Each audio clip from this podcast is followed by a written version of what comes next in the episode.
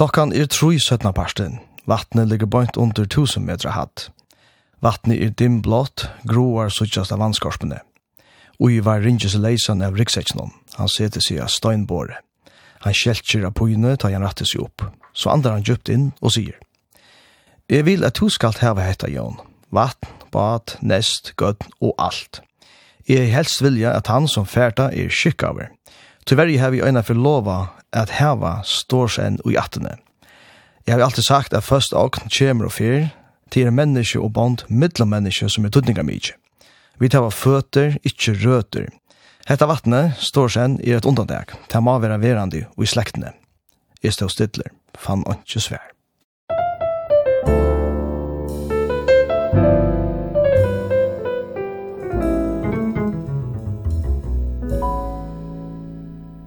Velkommen i lesekrautjen tja Språtanon her vid områa bautjena Fiskahuset som norske rytøvendren Stein Torleif Bjella skriva i.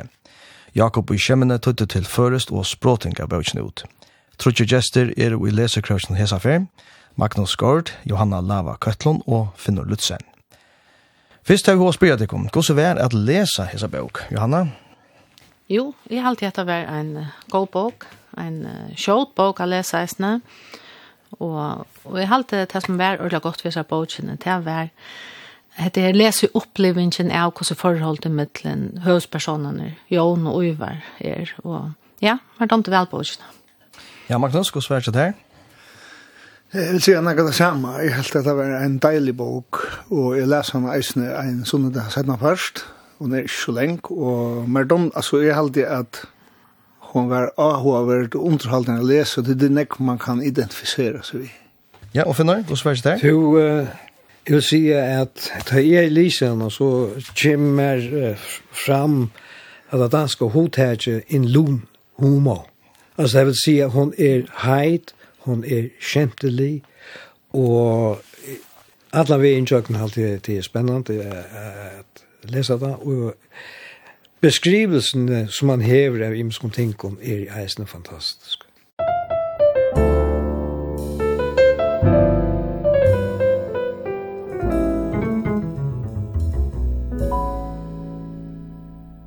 Vil du være en gauur vajemauer, måst du hoksa som en fisker. Det sier gamle og slittne uivar vi mialdrande brauersånen Jón. Pape Jón, Osle, var yngster, Milinger var Torleif. Uivar og gir tver døter, Torleif 80 bød, og Jón er ankarsjoner tja Osla.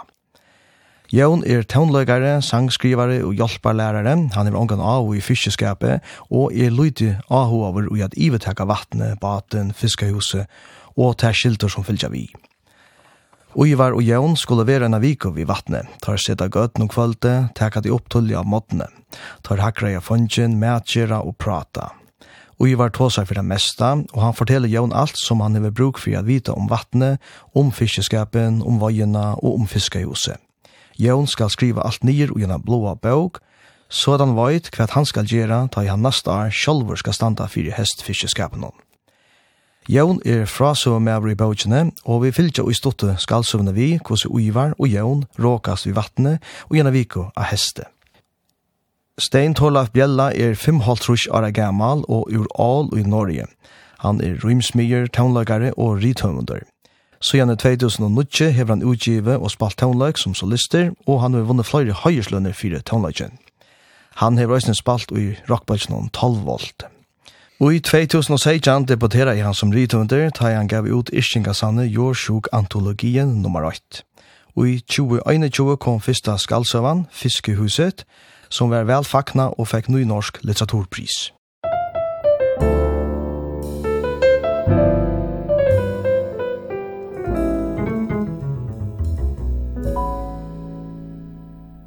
Hetta er lesekraukren tja Språtanon, hevet områa bøtjena Fiskehuset, som Stein Torlaf Bjella skriva i. Jakob i Kjemmene tøytet til førest, og Språten gav bøtjene ut. Trotje gestur er i lesekraukenon, Magnus Gård, Johanna Lava Køtlund og Finnur Lutzen. Jeg husker at byrja vi at tåsa om torboar avgjørte høvespersonene og gjøse bøkene. Om vi først takka fra såmannen Jøn, hva kunne vi sija om han? Skal du lage fyrir, Johanna? Ja, altså Jøn, han er single, et gammel dronker, han er tonleikare, og så lærer vi karer. Uh, og jeg har alltid, altså første intrycket uh, det er at det er moner med til Jøn og pappa Bajan, uh, och Ivar, og til øyne store moner, Jon er, er en, så som jeg opplever han, en sin tilspeker med over, han er lista med over, og han virker til å være nøkter ved lov og roligere. Han er, ja, det er ikke en hovastak på sjørån.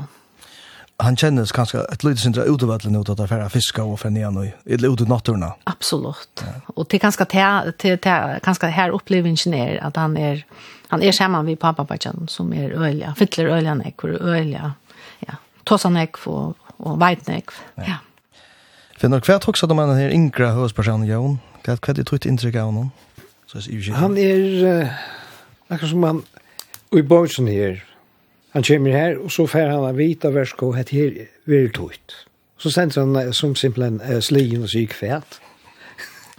han er jo ikke vil lystfiskere, eller næka som helst. Da. Og så på hans her vikene, så skal han få alle ørsene fra pappa bare sånn, hva er det, hva snurrer det seg om, og så videre. Jeg har simpelthen at han fer inn en menning på en eller annen måte i kjøkkenen, jeg sier skjeit igjen.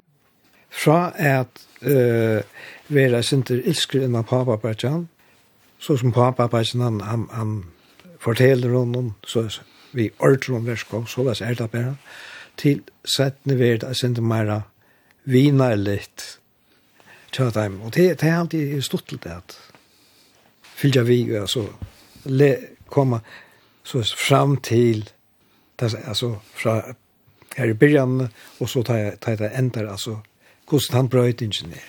Ja. ja, Magnus, hva husker du om, om Jon?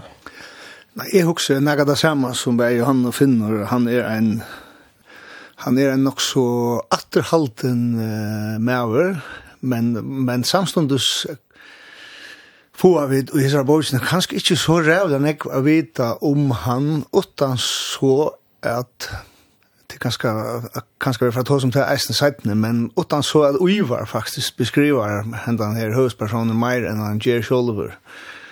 Men är så han som en sånn, och i sånne her samskiften vi pappa Bajan som, som är rettelig avhåvert, här Um, Her verður han pressa over kjensli på en egen måte at, at huksa ting han kanskje ikke hever huksa fram og undan og så, så det kommer vente alltid til.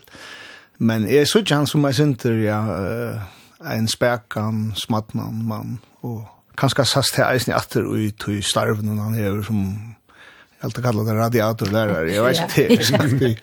Hon kan ju Men som radiatorlärare och, och annars så, så, så fast han åker vid tonlag, men jag har inte till något som jag blev helt stor alltså. Men uh, Max kan också som de, om den äldre alltså pappa var Jan som är mer dominerande. Hur så upplevde han? Hur är han? Ja, det er så det. Han det får vi faktisk lust uh, nok snakk til og og det er nok så lenkar passasjer i båten her som tar vi lust eh bei sin pappa bajen som er eldre enn sysna flotje og så ein ein millinger som er det tar og så er sin her eh papen tjøjon høsperson tar vera luster som at her er, og særlig Ivar, altså den eldste, jeg pappa Bajens, som ølja framtaks hoa og, og, og brusutter og hava rønt, at møvelig forretningsaventyr, og, og ta mest er nok ikke minne godt halvtid, så og jeg har helt ikke, han legger så særlig enn jeg går ut utan i hese her støvene, altså, Så det minner meg om en sånn type som ikke er bensje for jeg gang til alt mulig, og heller ikke legger noe ui at han sider etter vi omkom. Det er forskjellige forretningsjevn til liv og tog at det er veldig som det var spennende og sluttelig med å stå på. Og det virker som jeg ser på Jan, det for alt det vi gjør, det er så finner det bare noe ut bare. Ja. Ja. Hva tanker er det om, om den eldre, Johanna? Ja, alltså han han är han vill nämligen väl beskriva hur bogen ja alltså det väl lustigt alltså han är en öle impulsiv maver och han tåsar uh, tås och alltså maten han tåsar på alltså till mest ultra ett la sån statement han kommer vi. Och till nästan en spårningar och hvis han sätter en spårning så halt jag känner hur lustig tror helt det alltså. Och visst det är spårningar så är det sort om kærleksløy, kärlekslöja Jon och her Jon Jordan kan fortälja eller inte vill Og så alltid jeg snitt at Øyvar er en mer vi utrolig nekvun talenten. Altså, jeg tror ikke Øyvar så er han fyllt nekvun i familiene. Da han og Batjen, altså særlig uh, Torleif, den yngre Batjen, gjort eller gjørte, ta arbeid nok snakk sammen men så Jack uh, Øyvar fremst, og Torleif gikk han til at han og ta det har vært saman til familie, for, uh, familietiltøk, så har han spalt online og han har dansa, og han har gjort alt, altså, til ikke Alltså han fyllt näck alla stan. Mm. Tog är det också stort lätt alltid att läsa så boken här där så är det stä här som är så frisalt stä. Alltså är han ja, hur han nu uppleva heter öch. Så jo han är en han vill väl lustru i boken. Ja. Ja, är alltid är snär här en helt annan vinkel. Ja. Och just nu. Gamle han är vi är gammal och han vill ha näka just liot. Mm. Alltså rota upp Og det er alltid eisen at la vi. Jeg vil hava det her, og at det her er min idé, kjent du henne, eller gå kjent du henne ikke. Mm -hmm. Og, og det er bare mine treit. Ja, og det er, så fyllt er det til. Ja, ja, ja. Ja, han skal gjøre et inngrep alt dette øtje. Ja. Um, og der er her i en vike vi står sen. Hva, um, hva kan man si om øtje for noen som der, som der er i i en vikene? Som det er veldig lust, så vil jeg si at uh, som husen er eh, smuja i og alt dette her som vi er forklara, det er så minutiøst og flott beskrivet. Altså, jeg sitter her og hokser, ja, men eh, ta jeg ver og gjort det smått, ja, men hvordan har hun vært innrettet? Jeg sier primitive småttene her. Der er altså kål, og ellers kunne jeg kommet jeg skott, er veldig torv, og og vi er brent på tammatan, her er ikke heitt vatten, her er kallt vatten, og det er helt fantastisk vel beskrivet. Altså, jeg, jeg så ikke eisende firmaer, nekker oss ned eldre, nu faren og uh, løsfiskaren tar teg for i sted, altså på en primitiv mat, det gonke og hona oss her, og kanskje li i telt og så er, under helt primitiv forhold. for Det, det som kommer inn i. Ja. Og tar vil ikke kalla det eller tar eldre familien kanskje enda, er det et atali opphatt eldre som ikke ville kalla det et, et, smått eller men det var et fiskehus, det er imiskar ja. funksjoner vid ja. vattnet. Ja, ja. Det er, altså, du hever her kvart bort, så hever du uh, her kvart alle tonnar er, og så hever du altså, oppe ved en snøyne, så er mm. alt precis og godt forklaret. Mm. Ja. Så hadde vi kunnet ta oss av løsende mer om hvordan samband i er mittelen den eldre og Ivar, Papa Bajan, som skal lete av de yngre, Brøversjonen, Jøn, alt dette øke vattnet og, og husene og, og det virksomheten som er der. Og ta som man börjar vi, Magnus, hvordan opplever du sambandet mittelen tar bort at det er færre nian og, og liksom vi börjar å få ta det søve? Ja, det er sjålande såla som uh, Finnur og Johanna Esne sier, at Uivar tåsar alla tøyna. og man kan säga på tammadan är det snilt att det är Jon som er frasøvmæren och i sövande tyt Allt det som vi får veta om Jon är djøkken hans tankar, inte det som han sier. Og forholdet er såleis som er suttet av såleis at altså Uivar er så lyka fram og så er et sted sier Jon og han røyne lukka som at ibusa seg sjálv han om han blei verande sjálv han sjálv han blei fornærmar alla tøyna og yvar. Og så sier han et eller annet sted at mennesker sier, men han, han nevner at, at Uivar, sjálf han hever onga samkjensle sier han et sted i bogen og ta tankt til, det var nok så harsht huksa at at uh, at han forhold militær er så altså han ser nok snakk for han er eldre mannen som en person som er så mester av løven og så hever oppleva sånn ek, at, at, og akkurat ui sær støven her, han skal avhenda i åkna til den yngre mannen. Han er slik tøy til sort, sentimentalt fjas, så, så, så, så han, så han køyrer og, og, og, og fornærmer enn den her jøen, største kvarjer han ledd munnen oppa.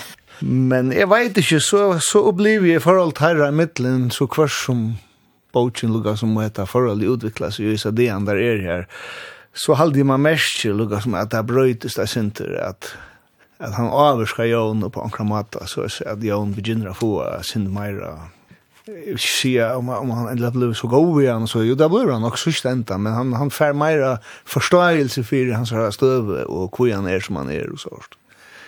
Johanna, han er sån eldre, han er sånn kontanter og, yeah, og sånn yeah. og alt det der han bryr. Ulla kontanter og fullstendig ja, ofiltrere av reisene, og i øtlen som han sier, og maten, og, og i halte det akkurat som Magnus Eis sier, at det er utjøkken bøtjene, så fer man kanskje til kjenslene av at altså, han er ofiltrere, han er ho ærlig og, og bottenfreker, men det er kanskje en lødsindre av kjærligheten jo i tog EU för Jon men han han färda kanske tar här en vecka och det är en en hektisk vecka där han nekva göra och Jon ska skriva allt ner och jag så blå bogen så där. Så jo, han är Ja, och det bröts sen där. Finner du också upplevt vad det är.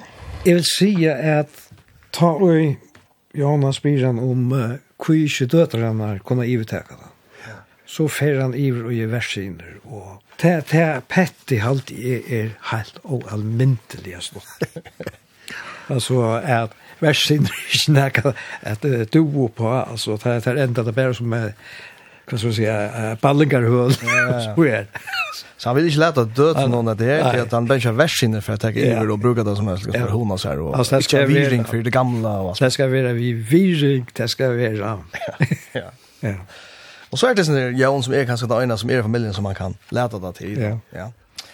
Alltså jag har alltid vis Luca kan se när jag akrimon till akrimon till det så så noterar jag mig att att brott nyer samband med ta ta över huxa ju men så hur ska jag ha hus hur kun skulle döttrarna köra där och man höjer alltså i bogen att att Jon huxar okej okay, han ser myntnar som hänger i husen och att och huxar kvui fick uivar heter familjehuset och och ni så han är nok tog at uivar er äldster og tog fick han huset og uh, og jeg vet ikke ordentlig hvor hvor eller vi vet ikke ordentlig enn hvor hvor hvor Jon for etter huset men men men oi sier så er snitt at at han vil ikke ha versen skulle ha det og så sier han at han nå her at ta folk har også genka opp på ta er vant til affær og jeg tror at to jøn ikke har noe geng opp i, er heller ikke vant til affær.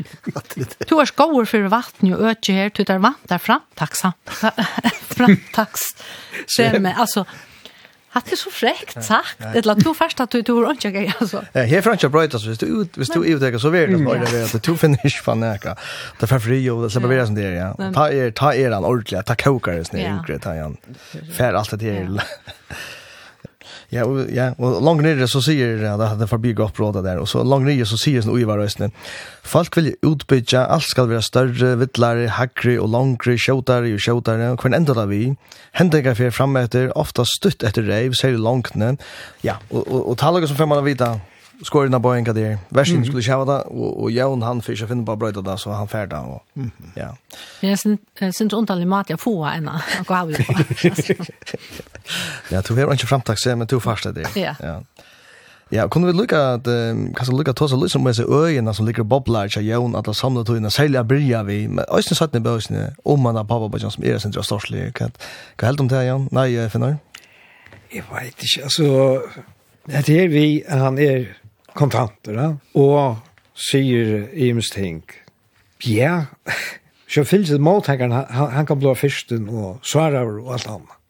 Men det, det ser ut til at det, det bløyte seg som, tog, som Bogen skruer fram, så jeg halte at eh, eisene, eisene jeg alltid var grulja fitt, det er eh, ta spyrir om hvor man ikke fiskar, ta det røyser av så kommer en heil søva, og jeg vil ikke fortelle søvna her, men hun er fantastisk her.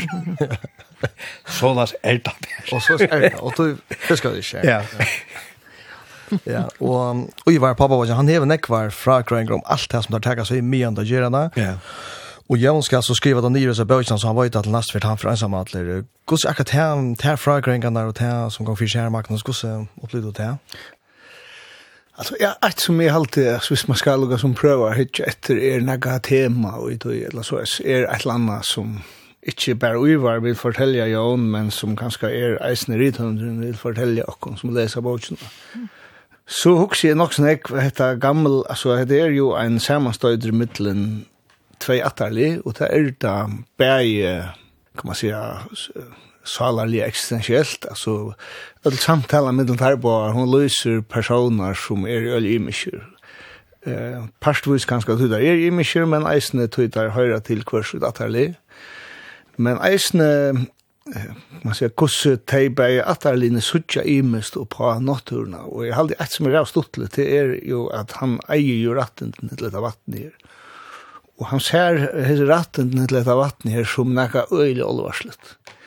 Eh och så får man ju att jag vet det bogen ja man kvart snurta sig om med sig här lunden när han är här och och tar fiskar ju 300 300 kilo av sill som tar salta i tunnor till sig här raka fisk eller vad det heter och i ändan av bogen också han här nöjs ju hon ju och kör det mesta veckan det det är så Så det er sin det då, alltså hade kan se man ber så vi vi stod hickar efter förrjun i det och och låg som allt det här så kan han ju just man ber så vi då är tror jag gillen en här och så då hade det rätt lite. Alltså lunden är öle lite men vi var här här som øyelig alvarsligt, og iveleveringen av ner till natt nast atali är eisen öle alvorlig, och det är det som gjever en sån Alltså, det här gjever usa sjolv, og han er en sån humor i bøtsna, han pjøs inte att gjøre det stuttlig vid noen øre, men bare at det alltid er, er det gjør en sånn humor. Hvordan alvarsligt han ser det, og hvordan Jan og i sånne tanken, og tog som han sier vi først, lukka som omboar, at det er liksom man herra god, altså. 300 kilo, altså, jeg må blekke det vekka lukka vel, men, men sånn, de tar mannen av årligt, og jeg lurer til mannen, men, men, henta missionen, hon er jo, alltså hon är nog så hubbelsläs på den här kommatar, men, men Oliver er halde nok så avhørt.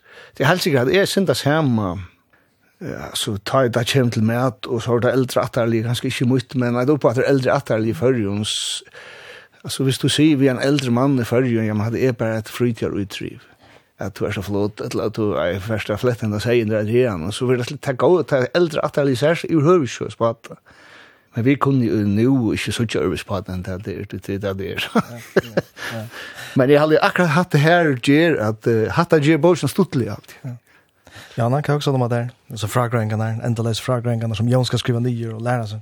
Ja, altså, jeg halte faktisk at det her er, altså, han vil, uh, liksom, jeg vil levere oppskriften på hvordan du først om natturen, og hvordan du... Ja Og her er stånsrøkt og alt mulig, ja, og pjøy, ja. pjøy her, hvordan du først vi stånen og matten og, og, ja, og hvordan respekten for natturene. Så at det, at det, og hatt det så som to, Sjönti han han färda fortalt och så upplever han hur han gör det. Att vi hade inte noe som man att han skal få in vi upplevelsen eller vi erfaring. Så det heter han røyner och på här ser stort Här alltså så tror jag så var signa i tröns rakilen alltså illo här här och jag kunde ta få vi en helt fantastisk fråga förklaring om borartikt och och så det faktiskt han nämnde angår till år angår nämnde bossen men men men bæði vi vi meska støttun og sum gøttun og, og alt møguligt og det er øyliga stuttla lesa vart.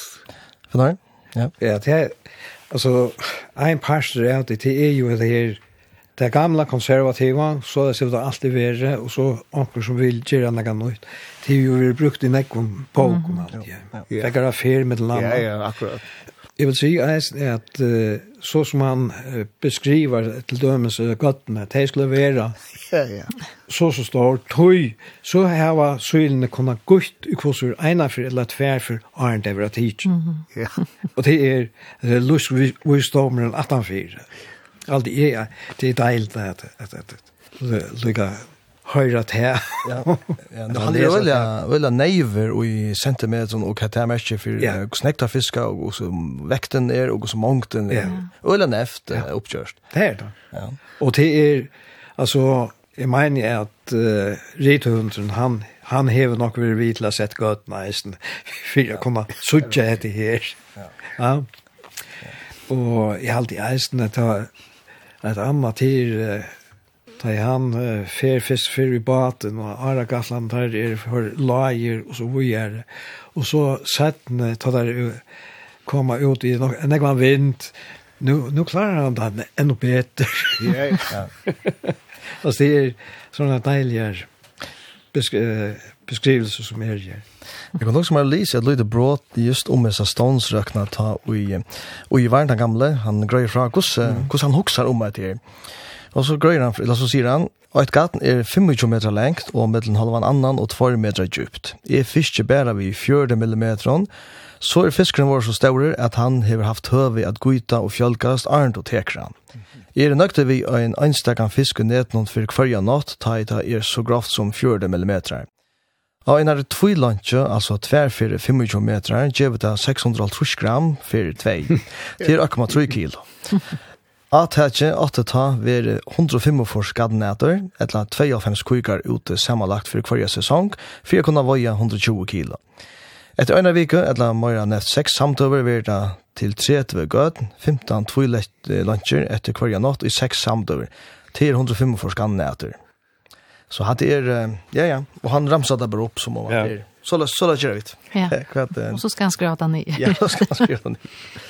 Ja. Nej, hade den öl alltså han han fär Lucas som uh, alltså han han vill ha uppskrifterna överleverade till till Jan om akra hur han ska hur han ska göra och när han ska vara här och hur ofta och så så. Och att det är fisk, ett fiskahus alltså. Ja. Det är inte en en ballingar småtta ett annat sort. Slett inte. Och och sen gamla han nämnde att han åkte ju brött akkurst vi vi kusan fiska men så är det fel läge och så han rätt innan så han har ju köra runt det är jag vet inte så visst det lite där Magnus men men att det kanske bitch kanske mer runt eller va? Jag vet inte hur så viktigt det är akkurat i samband men det är mer än den här Hvis det er det som hatt av vattnet ber, at man skal, man nøyest at så løs for å få så nekkbors ur som møvlet utan av øya stånden, og man kan bli via gjøre det i atterlig, og man atterlig, og man atterlig. Så virker det som, så er han nøkter. Han nevner ångstaden i båten i eisene åndervøtten, her som der har vært gjørst mer moderna og på æra matar, og, og finner nekmar bors ur. Ja. Men det virker som om at det er ikke det, er ikke det som heter snur om. Det snur ikke om å få nekk meira på sjur, det snur om at gjør det her, og det er vatten, det her vatten ber av fiske, og hvis man gjør det på akkurat enda mat.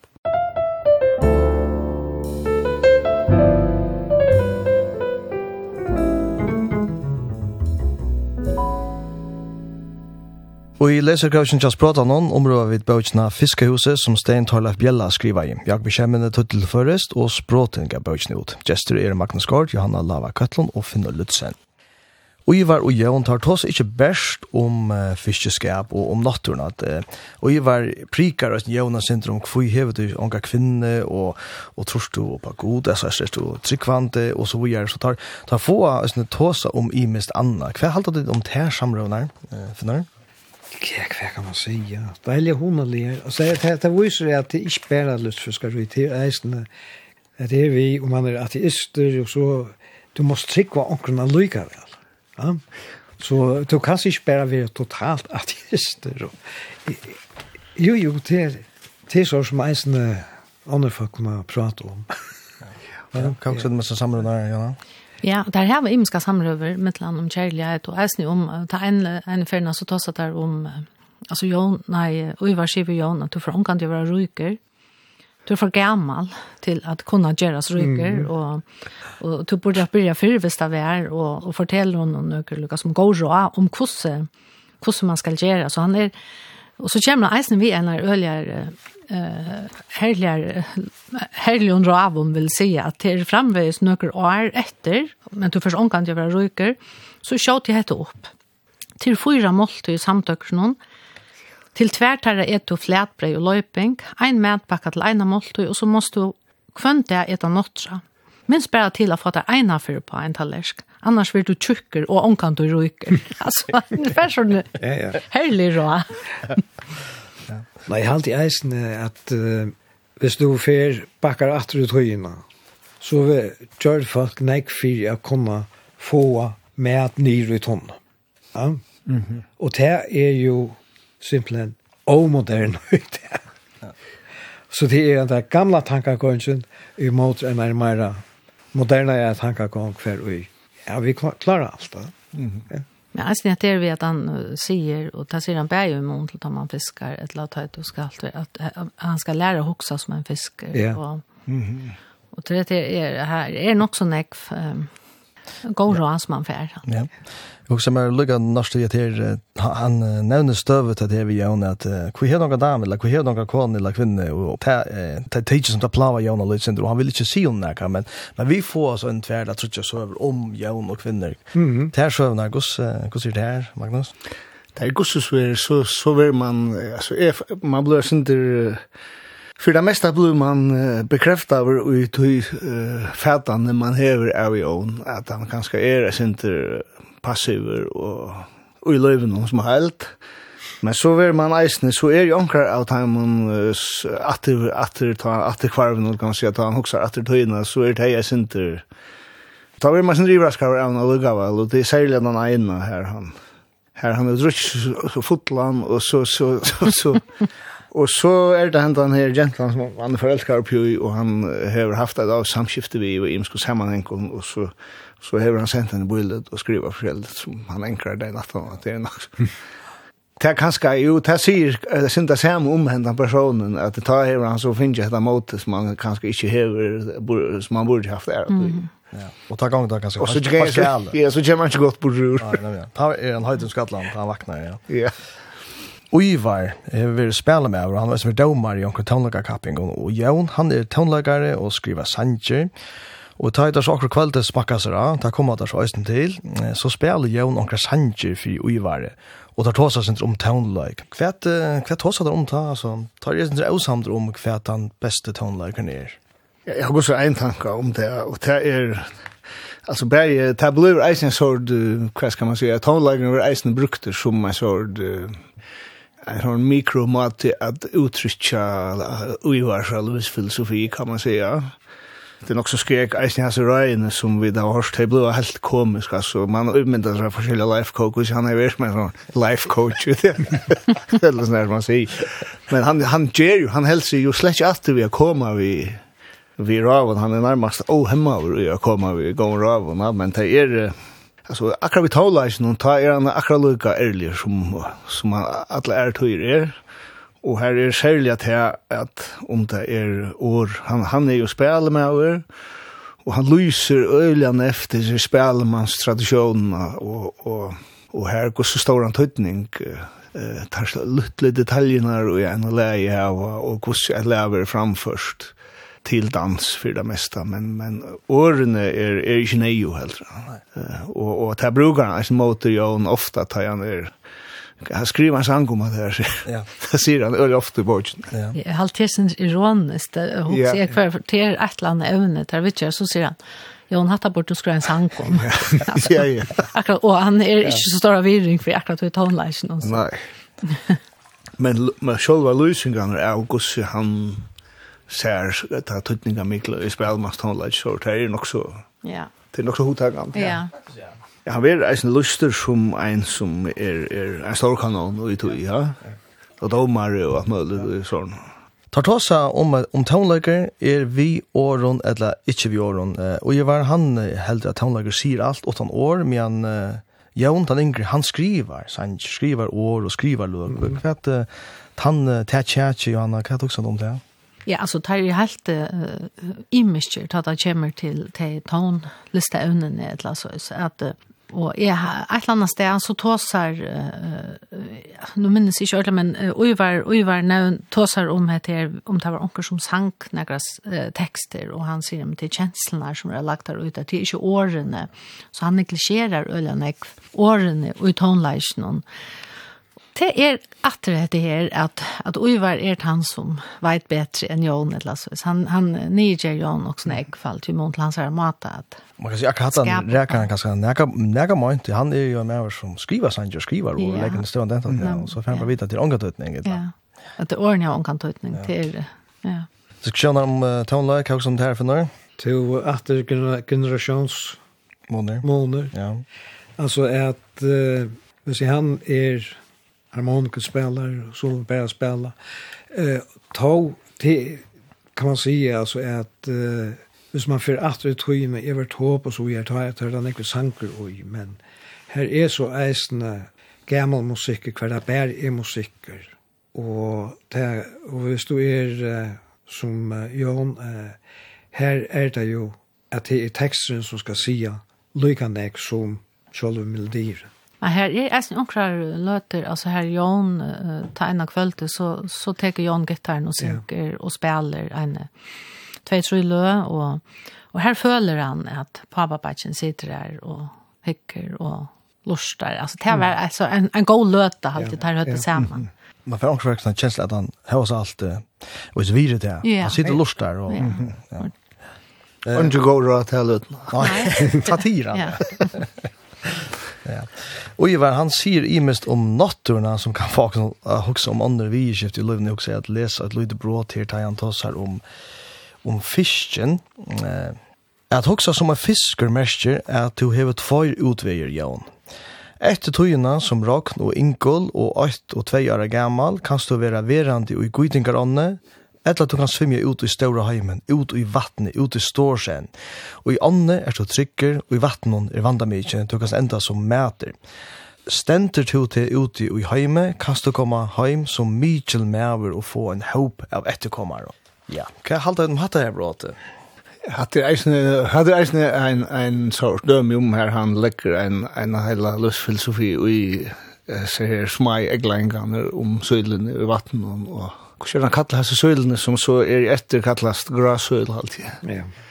Eh og det er jo velkjent, eh det er akkurat nok så av dokumentarsendingar om akkurat det er.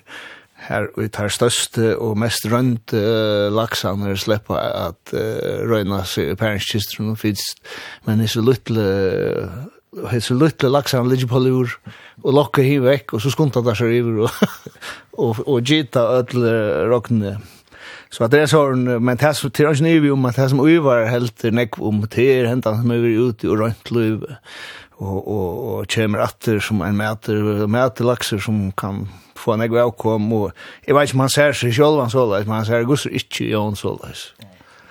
Och och du så så också säger alltså är det så läs han ser tar boar alltså ser han Jon som heter mm -hmm.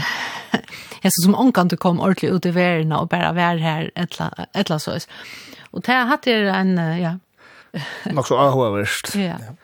Og eisne heter her vi, altså det er jo at letja ein at letja ein eggling av nokturne til grund fyrir ein moral um gos mennesker skulle leva mm. er jo uh, ikke det gjør man ikke det i han av mån som man kanskje har gjort før, at det hører ganske eist til en sånn. Så det er sindi det samme vi, ja, men ta i Darwin sier survival fittest, så, så skulle vi eisen innrette samfunnet så, altså. Mm. Det er nok så lengt så man kom for å bo ut her, men vi var ombå jo, det gamle her, her, det var, det, det gjør man nettopp. Moral var nekv driven av religion og av sånn som man sa i naturen, ja. Mm. Vi fylltja jævn og uivar i ujana vike, og sambandet tar jeg med til at det gonger opp og nyer, og det brøytest, og det utviklas. Eh, Om vi skulle ta oss av lyset om eh, Gusta utviklas, Gusta menneske, hva er brøytingar er i samband med middeltar boar? Hva hoksa de så? Ja, altså jeg har alltid at, at det er en, en, en stor utvikling i bøkene. Altså, først han så så här har man hej är öliga vi första hej en känsla av att att är hej funnit mig ut och hej väl Jon så hej är färre han är alltså man kanske man kan inte komma ut ut av fiskhuset skulle vara samman med pappa på Jason och i en hela vecka och vara liksom kul över ner alla tojorna. Men det det utvecklar sig eh bäge toj att det har några upplevelser och det här har äsna några gode löter och i halt att Jon han han verer han verer ner på mer trycker och ges ner omkvarnon och så utan att själv eisen men jeg satt og las bøkene, hukse jeg kanskje ikke så øyne om det, men at han tar jeg så hukse om det, at han da så utviklet det seg øyne nekla, det var nek meira i balanse et eller annet. Her bruk for hver nøren, og ja, det er alt. Men når hukse det er at det liksom, tar venner seg sin hver annan. Altså, det er alltid at brøytingen, noen kommer til å begynne å spille, at det er kvalitet her. Her kommer brøytingen, Og drekka brennvin. Og det er altså brennvin til hjelp i Ja. på at det så er narskast hver, hver, hver øren og då er bedre å prata sammen. En slags teambuilding der, drekka nagar, eller drekka sina brennvin og spela gitar og så er alt bedre. jo, men, altså det er, kan man säga, hvis det ikke blir for, for, for nek out, så, så kan det bløyta og luksalja nek opp. Mm -hmm. Jeg halte eisen, altså tog at uh, eh alltså början bochen ta ta fortell ma fortell Ruivar om att han och Torlife platta vara i hyttene, eller i fiskehusen hon, och og at og han var ølja kjettra og missa batja så inte det var ølja tatt knutter og himmel. Så sier han men det var eisen godt tog at jeg, nu slipper jeg sove i underkotsene, og jeg kan fiska sonde og jeg kan trekke brennvågen og forskjellige sort altså så det er eisen Så jeg snakka godt ut, og jeg halte ter løten jeg hava givet Jon og Uivar Orland nekv, altså. Ja. Hva er også to om hva hatt her, Magnus, altså, tar, at det har brøyta så vera kanskje mora vel som børskonger? Ja, Det er øyelig. Her er, her er en utvikling på nekva matar. Jeg har leisne at forhold vi enda her Torleif, midtast av Bajan, er nok så avhåverst. Selv om man, man ikke høyre nekva om Torleif, men han er så godlig og og i en nok så stor amon alltid, og det har jo lagt nok snakke avmarsjinger og øyvar, at han har fylst vidt hørleiv, som allugavel har vært han veit jo ut i forholden, men, men kanskje ikke av ødlen fronten allugavel. Uh, og det alltid er, er nok så avhåverst, og det har eisen onkra omkring samtaler, Etla gussur hefur jo nagra tankar om etter. Uh, han er ateist. Og det alltid er avhåverst, altså gusset til Eisen han græter det ene ferien at han hoksar om Torla, hvis han er uibar, som annars virkar som han også herskjen og her med. Mm. Annars, eit anna og nok så avhverst, her som er ordelig byrja i hoksa, ja, men jo, han er ordelig god vi, han er uibar. Det er ta tann naturen lever, han blir sjuker. Mm. Til naturen lever, han blir sjuker, så er jo en ølja opptidsen av gos, han gos hever han da nu, og gos hever han da nu, og han vitjar han, og han spyr systraner, og så, så ta, ta fem han er sånn kjensli av at, at, uh, at han er at han er blivit god i han lukka vel, og så eh och han avduga en egen ända någon men så ända det ju vi eisen vi är ju en evigheter heter här fiskehuset och och ger flyr av som bröding som som vi var slash vill ha tala om vi solsällan och så rätt men han finner ju eisen i det och när går du vi var rätt då att det det inte han ska ha solsällan så tänkte vecka efter och och fer faktiskt mer mer ur att det till för att han tänkte som vi var hej för allt då. Mm. Jag finner gott se att det är att han har oss allt för gärna brödningar som han inte skulle göra. men alltså så fylls det ta du er ja onkel så chef för det gamla och gärna brödningar och så gör det det är inte rikka. Ja, men så uh, er du gammel nok til å si, ha det rikker. Hvis det er for jeg var røyna pjøs, pjøs og prata til å få det til å rikke, skjønten. Ja. Han skiftet til nylon, det som ikke skulle gjøre. Ja, ja, ja. ja. Men det gamle, han skiftet jo fra uh, trætonne til plastiktonne. Ja. ja. Så jeg skiftet fra sissal til uh, nylon her. Mhm. Han gjør det eisen akkurat tilleggingar mån til meska ut alltid. Ja, ja. ja. Så han, ja, ja. Om vi tar det sånn skulle kanskje nevne noen evne som bøkene vi ikke, et eller kanskje sier det så, hva de særlig takker vittig kunne etter av her lise seg bøkene, hva kunne de så sier?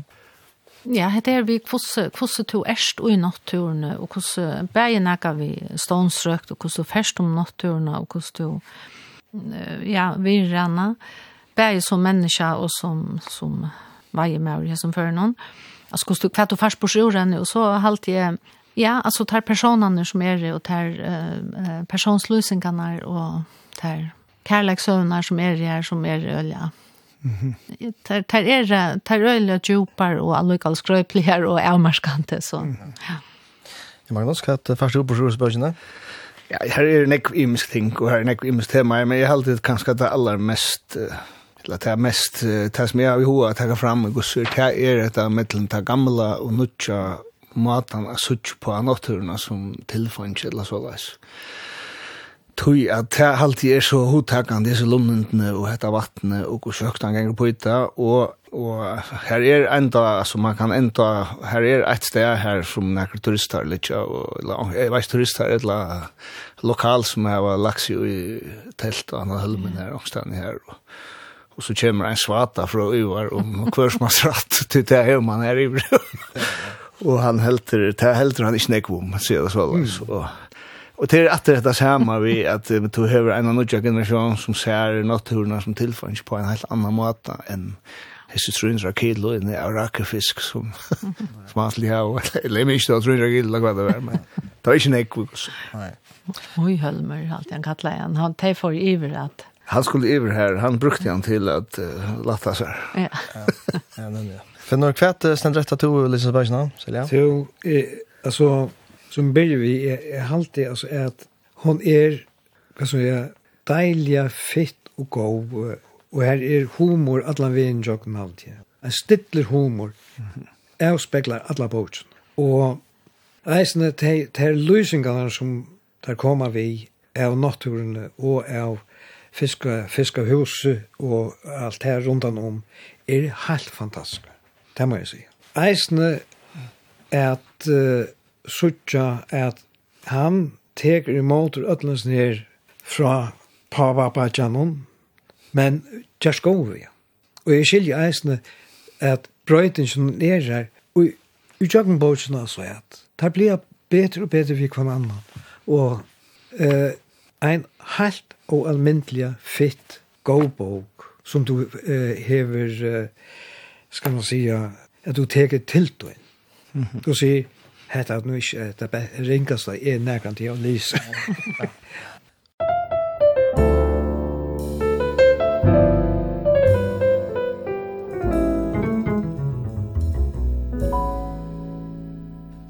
Og i lesekrøkken til Sprautanon har vi et omrett bøtjen Fiskehuset som norske rithøvenderen Stein Torleif Bjella skriva i. Jakob i Kjemmene tuttet til først, og Språten gav ut. Gjester var Magnus Gård, Johanna Lava Køtlund og Finnur Lutzen.